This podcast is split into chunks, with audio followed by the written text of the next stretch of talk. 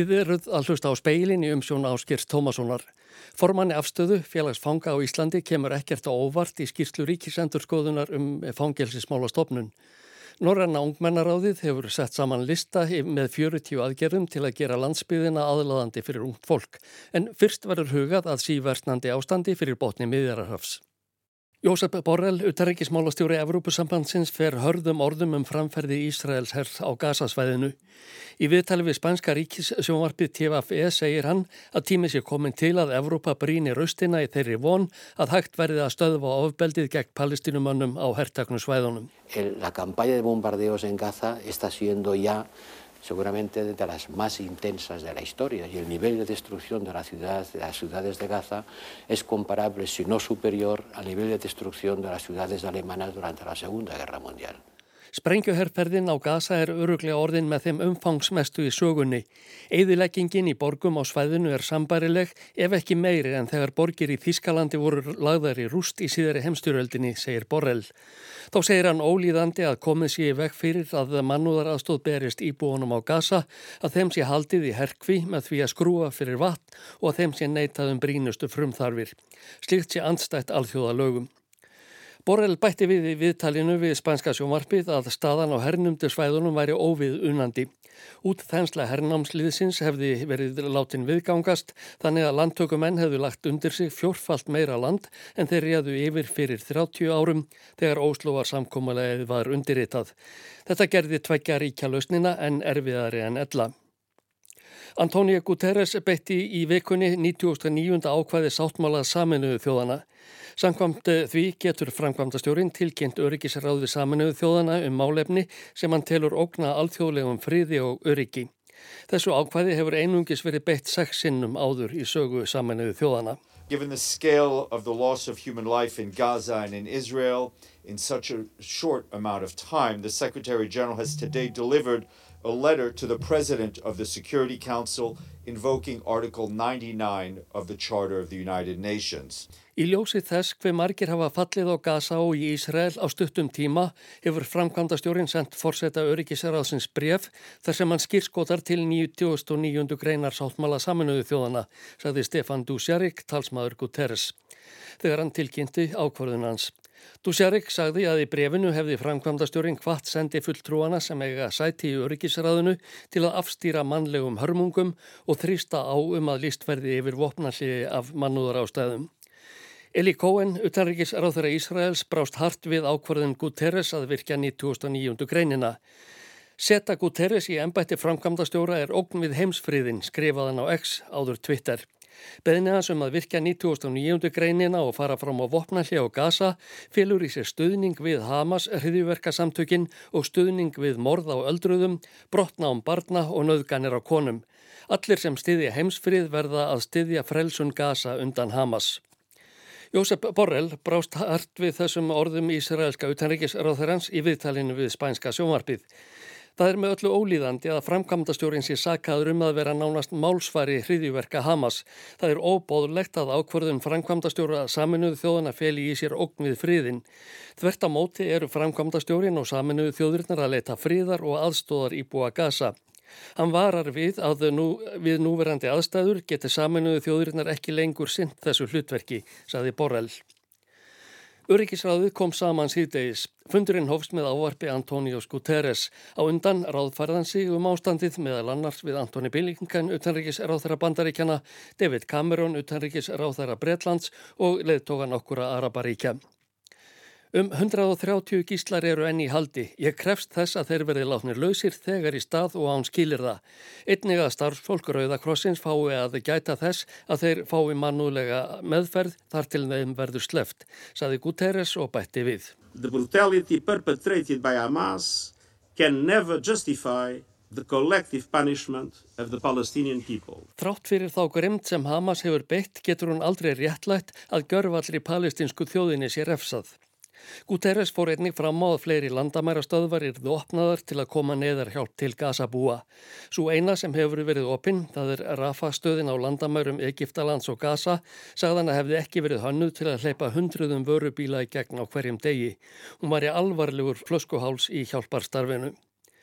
Fulltrúi saminuðu arabísku fyrstadæmana lagði í gær fram álíktunar til um tafarlaustu vopnalli á Gaza. Sendi herra Ísraels sagði á fundinum í dag að það kemi ekki til greina. Fulltrúi bandaríkjana sagði að þótt landið stitti varanlega frið þar sem Ísraelar og palestinumenn getur búið hlið við hlið ætluðu þeir ekki að styðja tillögu um tafarlust vopnalli. Líkast til beita bandaríkinn því neitunarvaldi þegar atkvæði verða greitt um tillöguna á 11. tímanum í kvöld.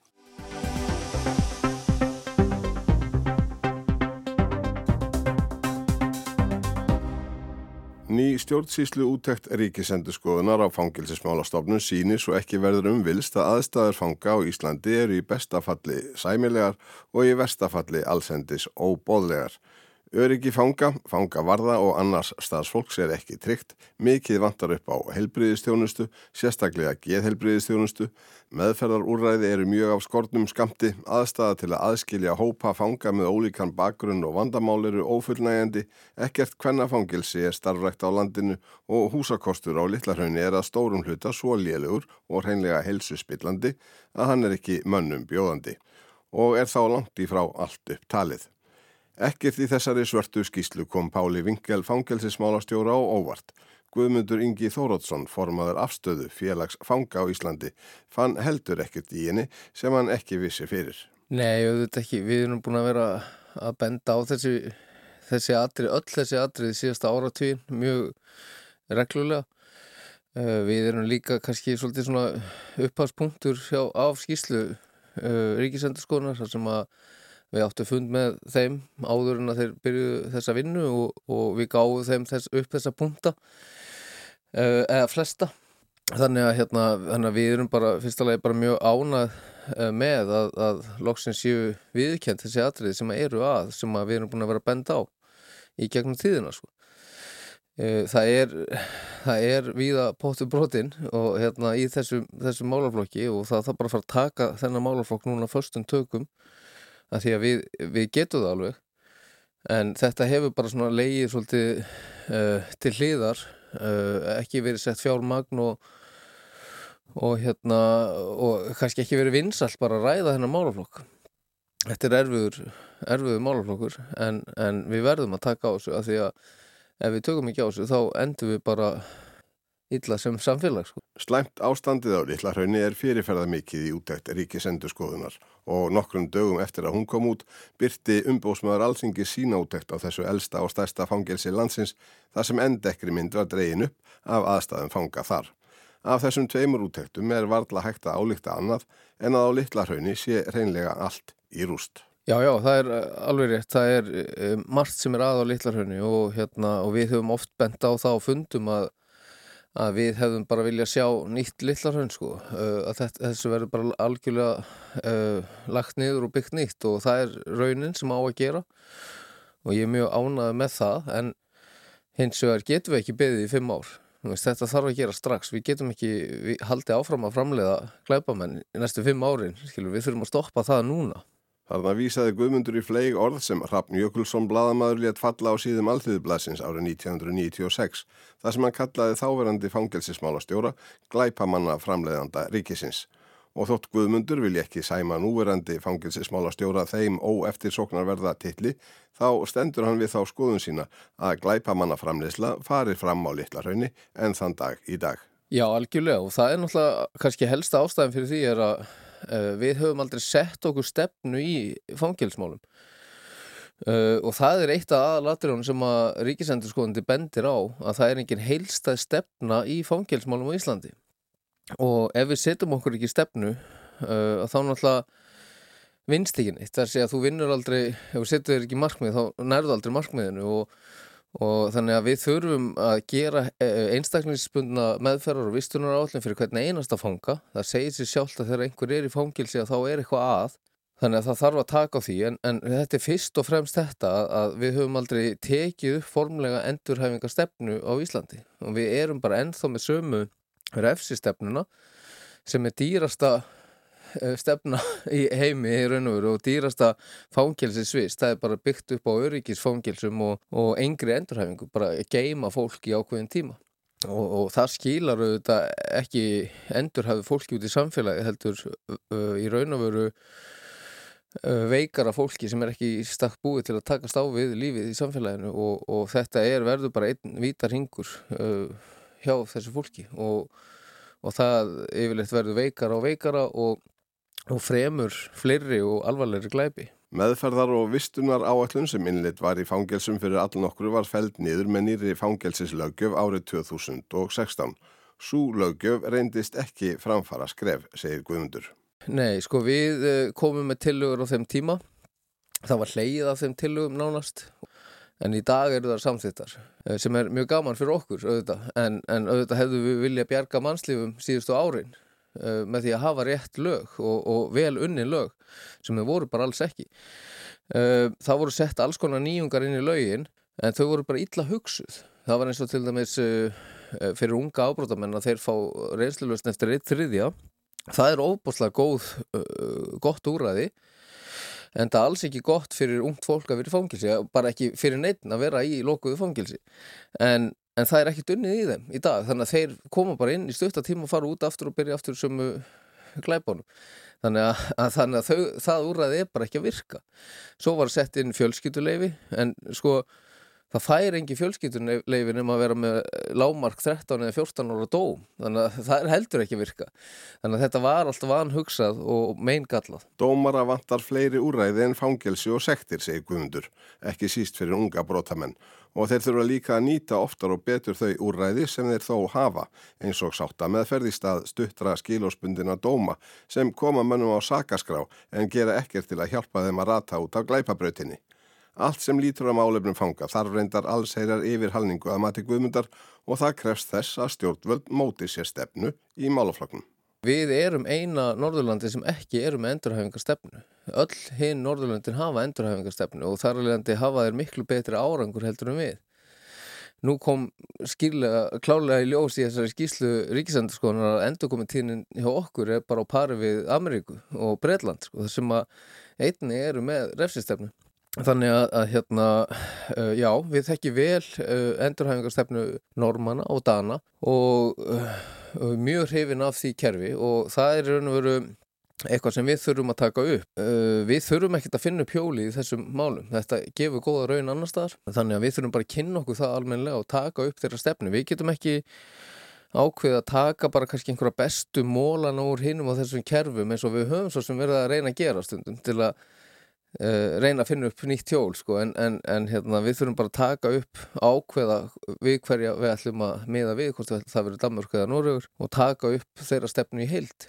Í hverju fælst þú? Hvað liggur helst í munum? Þú talar um endurhæfinga stefnu, hvernig lýsir hún sér í framkvæmd? Já, fyrst og fremst er þetta einstaklis með meðferðar og vistunarállin, þar sem að þið farið yfir uh, þitt líf og, og, hérna, og þinn áhuga á lífinu, hvað viltu gera og svo er þér veitt öll svo aðstór sem að þú vilt, ef þú vilt eh, verða bakari eða smiður eða múrari eða rafvirki að þá farið aðstof við það og þú þarfst síðan að uppfylla ákveðin, ákveðin árangur uh, sem að er unni með þér í uh, og þegar þú, þú ert komin á ákveði stig að þá farð þú síðan sagt, einhvers konar gullrót þar sem að hérna að þú far, verður fluttur yfir í annað fangilsi og síðan annað og, og, og síðan ertu komin í að blóða samningi og fyrirtæki áður en þú losnar. Og svo er eftirfylgni með þér þannig að þú kemur út í samfélagið að, að þú far vinnu og húsnaði og annað slikt hér er ekkit slikt uh, hér er engin eftirfylgni og, og það var nú félagsmálar á þeirra fyrirhandi ásmöndur sem stopnaði einhverja nefndir sem ótti að gera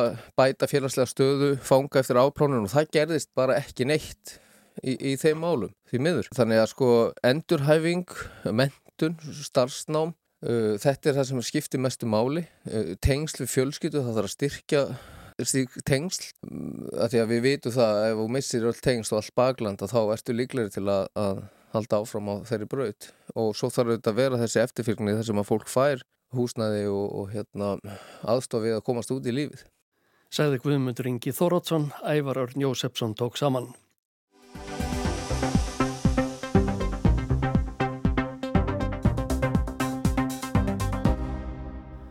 Meðal aðgerða sem gripar þarf til svo að landsbyggðin verði aðlaðandi fyrir ungt fólk er að bæta almenningssamgöngur og húsnæðismál og auka tækifæri til mentunar í samræmi við atvinnulíf. Þetta er mat Norræna ungmennaráðsins. Ungt fólk stendur oft á krossgötum að grunn eða framhaldsskóla loknum. Spurningar um hvað taki við verða yfirþyrmandi og er ákvörðunin oft erfið. Mörg ungmenni á landsbyðinni flytja í stærri borgir eða þjættbíli, ímist til að sækja þar nám eða vinnu og snúa ekki tilbaka. Mörg sveitarfélög á landsbyðinni búa við fólks fækkun vegna þessa. En er hægt að gera landsbyðina nógu aðlaðandi fyrir ungt fólk svo það kjósi að búa þar áfram eða snúa heima námi loknu? Það vil Norranna ungmennaráði meina. Ráðið var skipað á þessu ári til að leggja fram tillögur að aðgerðum sem getur breytt þróuninni og sínt að landsbyðin er fulla tækifærum.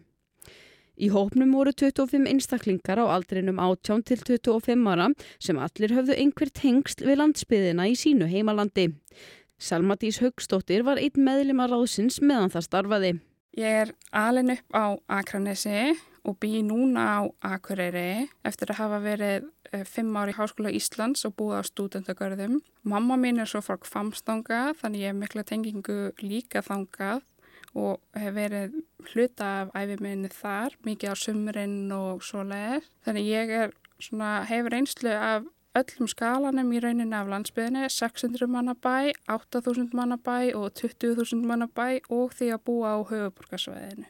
En ef við þá aðeins förum út í þessa skýrslu, því hafið gefið út skýrslu með 40 aðgerðum til að gera landsbyðina meira aðlaðandi fyrir ungt fólk. Getur þú sagt mér frá skýrslunu og hvað það er þá sem, sem geti gert landsbyðina meira aðlaðandi? Við flokkaðum þetta í sex flokka Við erum með mentun og þjálfun, vinnumarkaðin, húsnæði, samgöngur, svo bara samfélag og menningu og svo heilsu og bara velliðan.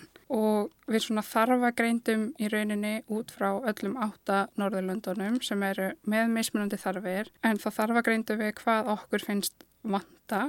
Einna helst reyndist vanta aukinn tækifæri til mentunar á landsbyðinni og samræma þau betur atfinnulífinu á svæðinu. Auk þess þarf fólki að gefast kostur á að vinna fjölbreytt en einnig sérhæð störf á landsbyðinni. Tryggja þar gott húsnaðisframbóð svo ungt fólk geti búið áfram í heimabeyð. Þá er líka talið mikilvægt að halda uppi örugum samgöngum millir landsluta. Þar eru í dag rosalega meðar því að fólk þurfa að vera með engabílin og á engabílinum. Mm -hmm en bæði húst að passa upp á að vegir séu lægi, að göng séu til staðar þar sem það þurfa að vera göng, almenningssamgöngur þar sem það á við. Samgöngumálunum er þó mismunandi háttað eftir löndum. Í sumum þeirra er áhersla lögð á góð lestarkerfi en þar sem það á ekki við er áherslan frekar lögð á fjölbreyttar rútu, strætó eða ferjuferðir á sangjörnu verði. Og í ennsmæri samfélögum þar sem þörfin fyrir almenningssamgöngur er takmarkaðari ætti ég að vilja líta til þess að skapa rými sem hvetur íbúa til að saminast í bíla. Allt þetta skal þó unnið með umhverfis áhrif ofarlega í huga og leytast við að nýta sem umhverfis vænastan kost. Í skýslunni er líka lögð áhersla á að hlusta á ungt fólk og taka mark á því sem það segir. Einnig þurfa upplýsingar að vera aðgengilegar og á aðgengilegu máli og aðgengi að íþrótta aðstöðu og grunn heilbriðist þjónustum þarf að vera gott. Að koma til móts við hins egin ungmenni og tröst internettenging teljast einnig mikilvægir þættir í að gera landsbyðina aðlaðandi. Við vonumst til þess að skýrslan skilir sér í aðgerðum á landsbyðinni Hún hefur nú þegar verið kynnt af hluta af hópnum fyrir ráþurum, eh, viðegandi ráþurum, þar meðal var Sigurður Ingi fyrir hönd Íslands og svo voru sveitastjórnar ráþurar frá öðrum Norðurlandum og við vonumst til að þessi þarfagreining skili aðgerðum á landsbyðinni og nú verði hlustað á ungt fólk og komið til móts við það með einhverjum hætti í öllum Norðurlandunum Þetta var Selma Dís Haugstóttir, Amanda Guðrum Bjarnadóttir tók saman. Fleira er ekki í speklinum. Tæknimaður var Magnús Þorstedt Magnússon.